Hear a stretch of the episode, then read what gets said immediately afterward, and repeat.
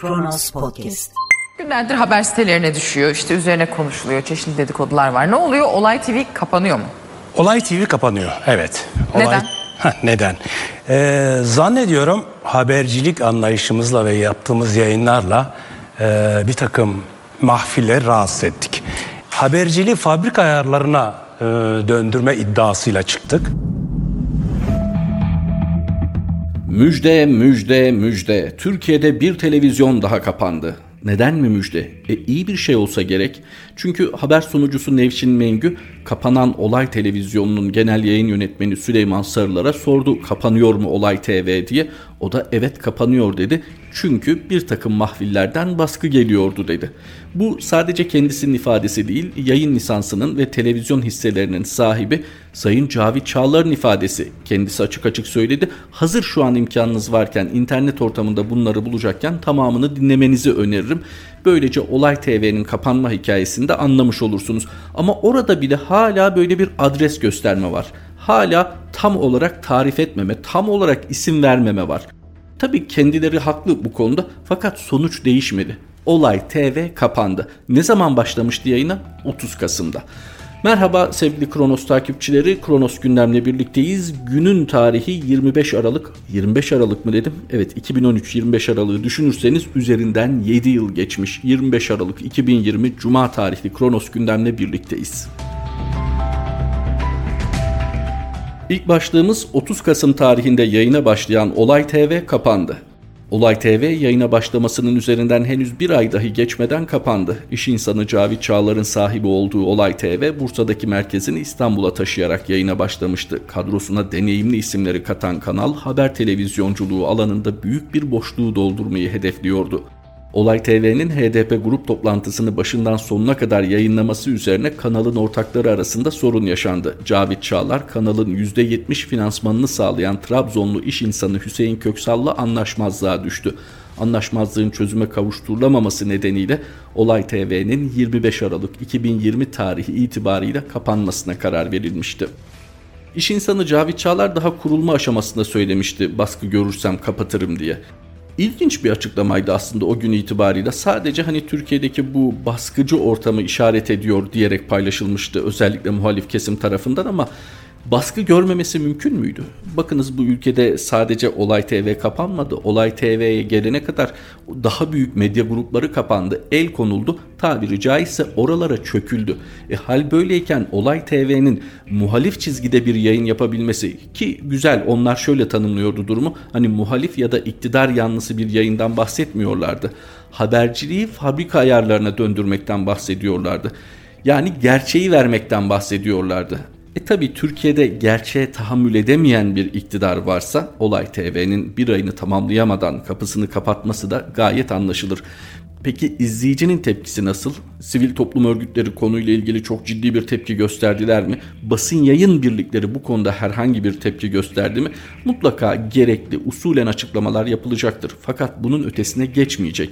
Neden? Çünkü daha büyük medya gruplarına çökülürken maalesef sessiz kalındı. Ne yapalım? Olay TV'nin ömrü de bu kadarmış. Geçmiş olsun medya emekçilerine fakat ders olsun Türkiye geneline diyeceğiz de kaçıncı ders? Kronos Haber'de sıradaki başlığımız yoksulluk salgınla arttı, 30 milyon açlık sınırının altında yaşıyor. HDP Ekonomi Komisyonu üyeleri Necdet İpekyüz ve Erol Katırcıoğlu hazırlanan yoksulluk raporunu mecliste düzenledikleri basın toplantısıyla açıkladı. Raporda Türkiye'de çalışan nüfusun %60'ı asgari ücret veya altında gelir alıyor. En azından 20 milyon insan aslında açlık sınırının altında yaşıyor. İşini kaybedenler eklendiğinde bu sayı 30 milyona çıkıyor. İlk 30 gelişmiş kent arasında Kürtlerin yoğunlukta yaşadığı herhangi bir kent yok tespiti yapıldı. HDP Ekonomi Komisyonu'nun yoksulluk raporunu haberleştirmiş Kronos Haber. Onu aktardıktan sonra devam edelim ama ekonomi haberleriyle devam edelim. Çünkü sizin de dikkatinizi çekmiştir. Son zamanlarda lehte ya da aleyhte ekonomi haberleri daha öne çıkıyor. Çünkü ciddi rakamsal veriler var ortada. Bu konuya gerçekçi bakanlar ya da iktidara yakın medya tarafından muhalif olmakla suçlanan nasıl bir suçsa her şeyine muhalif olmakla suçlanan öyle diyelim iktidarın bu yaftalanmayı göze alanlar ekonomi haberlerindeki rakamsal verileri daha çok nazara vermeye başladılar. E tabi iktidara yakın medyada bir nevi savunma dürtüsüyle yahut da talimatıyla kendi rakamlarıyla Türkiye İstatistik Kurumu sağ olsun bu konunun aslında öyle olmadığını izaha çalışıyor. Bunun için ekonomi haberleri dikkat ederseniz daha revaçta. Metal işçileri greve çıktı. Grev kırıcılığı engelleyen 5 işçi gözaltında. Dedik ki ey ücretsiz izin ödemesi yapıyoruz diye bizim cebimizden yapıyorlar onu da işsizlik sigortasından. 1168 lira para veriyoruz diye hava atanlar. Bizim cebimizden para veriyorlar. Gelin fabrikada sendikalaştığı için bu 1168 liraya mahkum edilen işçileri görün. İşverenler yasa dışı davranıyor. Ücretsiz ödemelerle ilgili uygulamayı hukuk dışı yapıyor dedik. Aylardır diyoruz ama maalesef ki ne duyan var ne gören var. Kocaeli Çayırova'daki Baldur Süspansiyon Fabrikası'nda 90'a yakın işçi sendikaya üye oldukları gerekçesiyle işten atılmalara karşı Birleşik Metal İş Sendikası ile birlikte grev kararı aldı. İşten çıkarılan üyelerinin işbaşı yapması, işçilerin sendika ve toplu iş sözleşmesi hakkının tanınması için Çayırova'daki Baldur Süspansiyon Fabrikası'nda Birleşik Metal İş Sendikası örgütlülüğünde yapılan grevde fabrika önünde çadır kurup ateş yakan işçiler sendikal mücadelemiz engellenemez pankartı açtı. Yağmur Kaya'nın Artı Gerçek'te yayınlanan haberine göre Baldur süspansiyon işçilerinin greve çıkmasından 5 saat önce polis 5 kişiyi gözaltına aldı. Patronun sabah 4 saatlerinde iş yerine dışarıdan 15 kişilik bir grup sokarak grevi kırmaya çalışmasını engelleyen 5 işçi gözaltına alındı. Tuhaf gelişmeler ama anlaşılmaz gelişmeler değil. İnsanlar açız diyor. Açız deyince de iki kere düşünmek lazım. Abartıyorlar mı diye değil mi? Çünkü yöneticilerin öyle bir algısı var. Abartıldığını düşünüyorlar. Açız deyince de herhalde açlıktan iki büktüm. Yaşamı tehlikeye girmiş. Böyle profiller görmeyi umuyorlar. Ama burada zaten kastedilen geçim sıkıntısı. Çünkü rakamsal veriler bunu yalanlamıyor. İnsanlar yoksulluk sınırının altında hatta biraz daha gerçekçi bakarsak ciddi bir kitle açlık sınırının altında yaşıyor. Peki hal böyleyken bu duruma müdahale etmesi gereken salgın şartlarında insanların ekonomik koşullarını biraz daha düzeltmek için elini taşın altına koyması gerekenler. Birincisi bunu organize etmesi gereken hükümet, ilgili bakanlık. E bununla birlikte tabii ki sermaye kesiminin de elini taşın altına koyması gerektiği açık. Yani size bunca zaman bir şekilde emekleriyle para kazandıranlar dönem itibariyle sağlıkları da tehdit altında olduğu için ciddi bir sorun yaşıyorlar. Niçin birlikte aşılmasın? Bu duygusallık da değil aslında. Ortada ciddi bir salgın sorunu var. Ekonomik koşullar daha da ağırlaşmış, yapılacak belli. Bir taraftan insanlara destek vermeyeceksiniz ama bir taraftan da insanların sağlıklarını riske atarak, hayatlarını riske atarak çalışmalarını ve üretmelerini isteyeceksiniz. Bununla birlikte işverene de işten çıkarma yasağı olmasına rağmen değil mi öyle de bir düzenleme var ama buna rağmen işten çıkarmasını olanak tanıyacak yan yollar göstereceksiniz. E bunu hangi vicdan kabul eder? Dönem itibariyle zaten aklınızdan şunu çıkarmayın. Olağanüstü hal uygulamaları sırasında Cumhurbaşkanı Recep Tayyip Erdoğan demedi mi işverenlere seslenerek zaten o hal şartlarında greve de izin vermiyoruz demedi mi? Hal böyleyken nasıl inanabileceksiniz arayı bulması gereken, organize etmesi gereken, işverene gerekli teşviki sağladığı kadar işçiyi de bu süreç itibariyle ayakta tutmaya çalışması gereken hükümetin bu konuda iyi niyetli olduğuna nasıl inanacaksınız? Sıradaki başlığımız Papa'dan Noel mesajı. Koronavirüs aşıları herkesin erişimine açık olmalı. Demiş ki Papa Francesco, herkese çağrı yapıyorum. Devlet liderlerine, şirketlere, uluslararası kuruluşlara rekabet yerine işbirliğini teşvik etme ve herkes için bir çözüm arama çağrısı yapıyorum. Aşılar herkes için olmalı. Özellikle de dünyanın her bölgesinde savunmasız ve muhtaç durumda olanlar için ilk sırada savunmasız ve muhtaçlar gelmeli. Papa Francesco'nun Noel mesajı bu şekilde. Sanırım aklınızdan kıyaslamak geçiyor. Acaba bizimkiler ne dedi, bir şey dedi mi diye. Sanki gelenekselleşti. Yine yılbaşı yaklaşırken Diyanet İşleri Başkanlığı'nın hazırladığı cuma hutbesinde konu alkoldü. Tabii ki bir itirazımız yok. Dinin bu konuda söyledikleri neyse aktarmakla zaten mükellefsiniz. Burada bir itiraz edilecekse edilecek. O da şudur. Niçin diğer meselelerde bu kadar önde değilsiniz? Niçin diğer meselelerde gerekirse hayatınız pahasına hakikati söylemiyor, karşı çıkmıyorsunuz haksızlıklara? Bir, hırsızlık, yolsuzluk bunu birileri yaptı diye ve onu yapanlar dini söylemleri çok kullanıyor diye acaba dinin bir takım yükümlülüklerinden kurtuluyorlar mı? Yahut da sizin uyarı alanınızın dışına mı çıkıyorlar? Ne olur biraz da sosyal meselelere el atsanız, biraz da devlet büyüklerini ikaz etseniz.''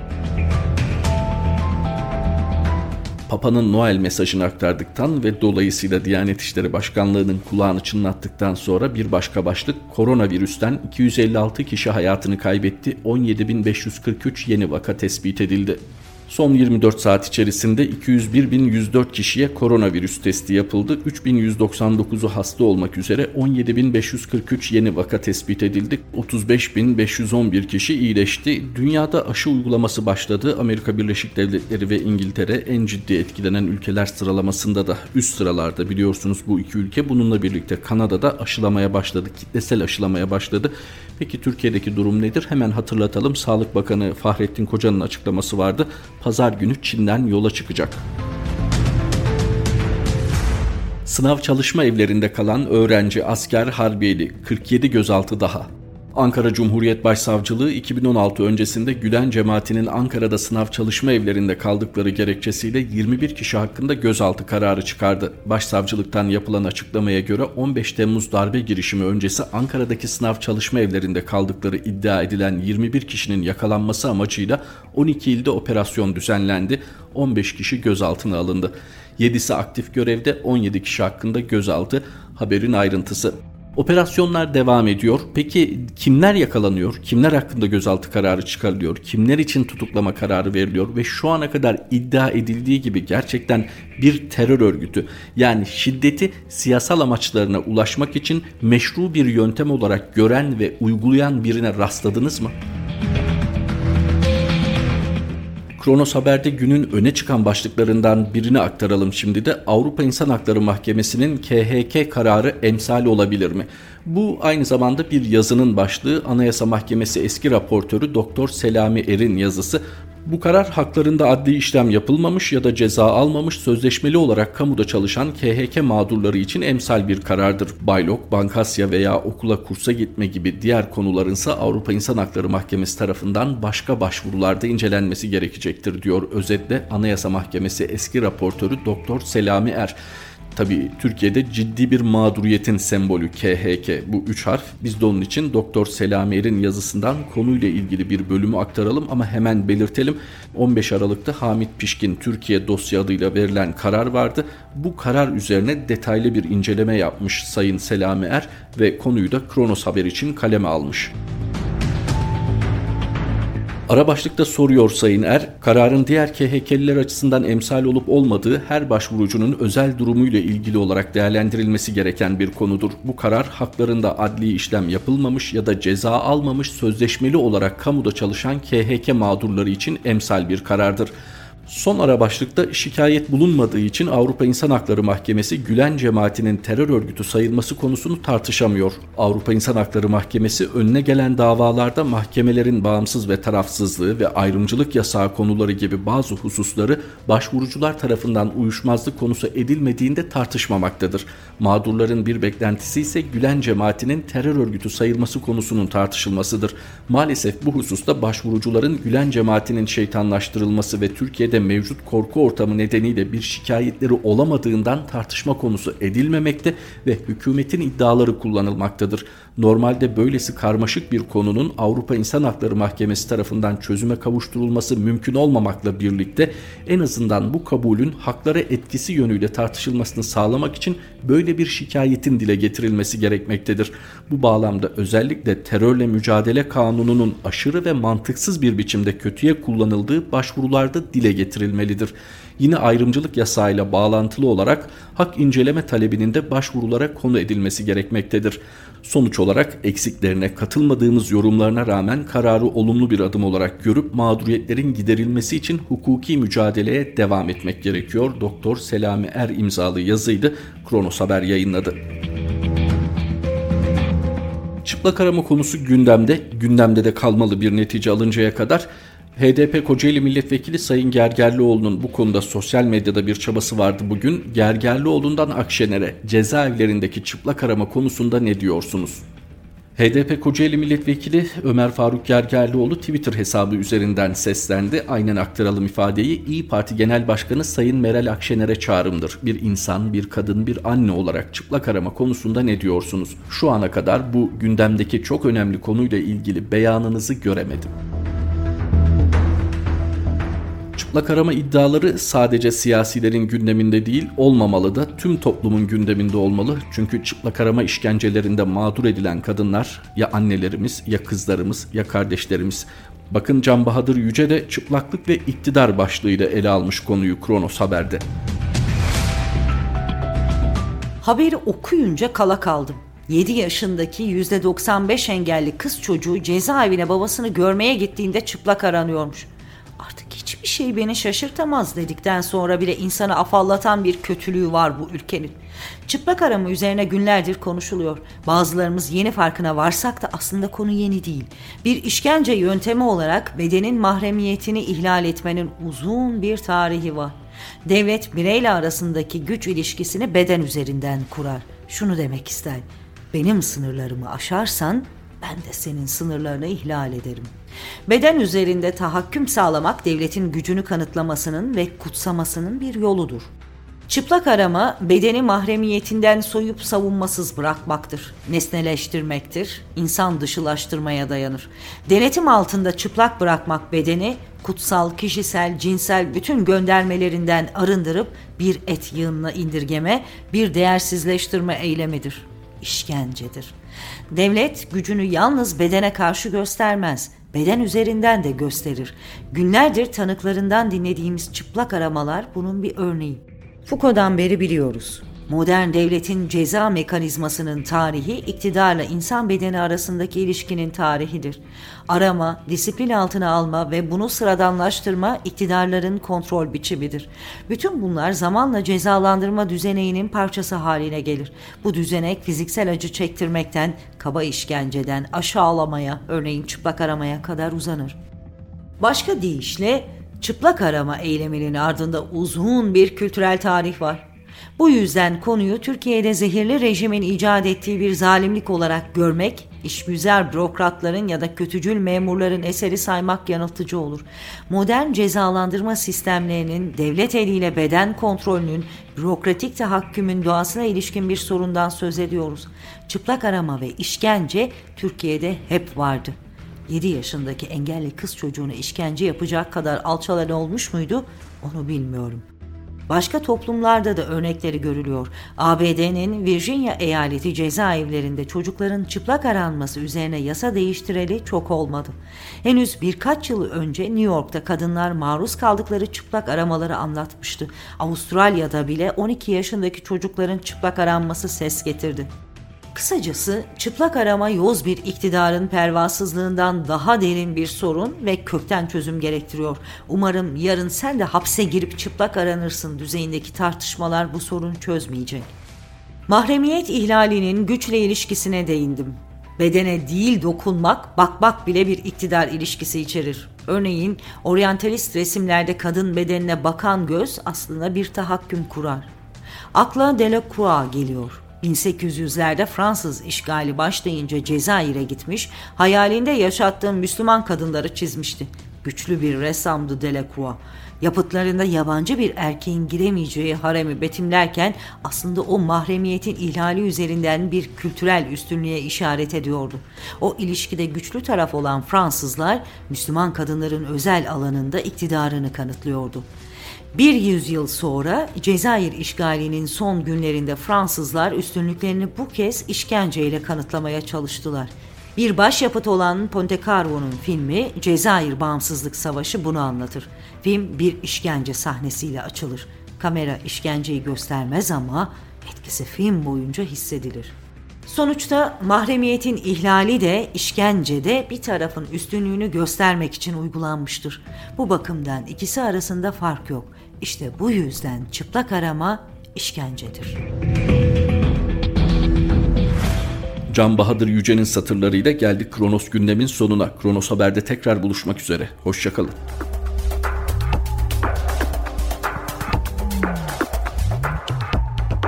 Kronos Podcast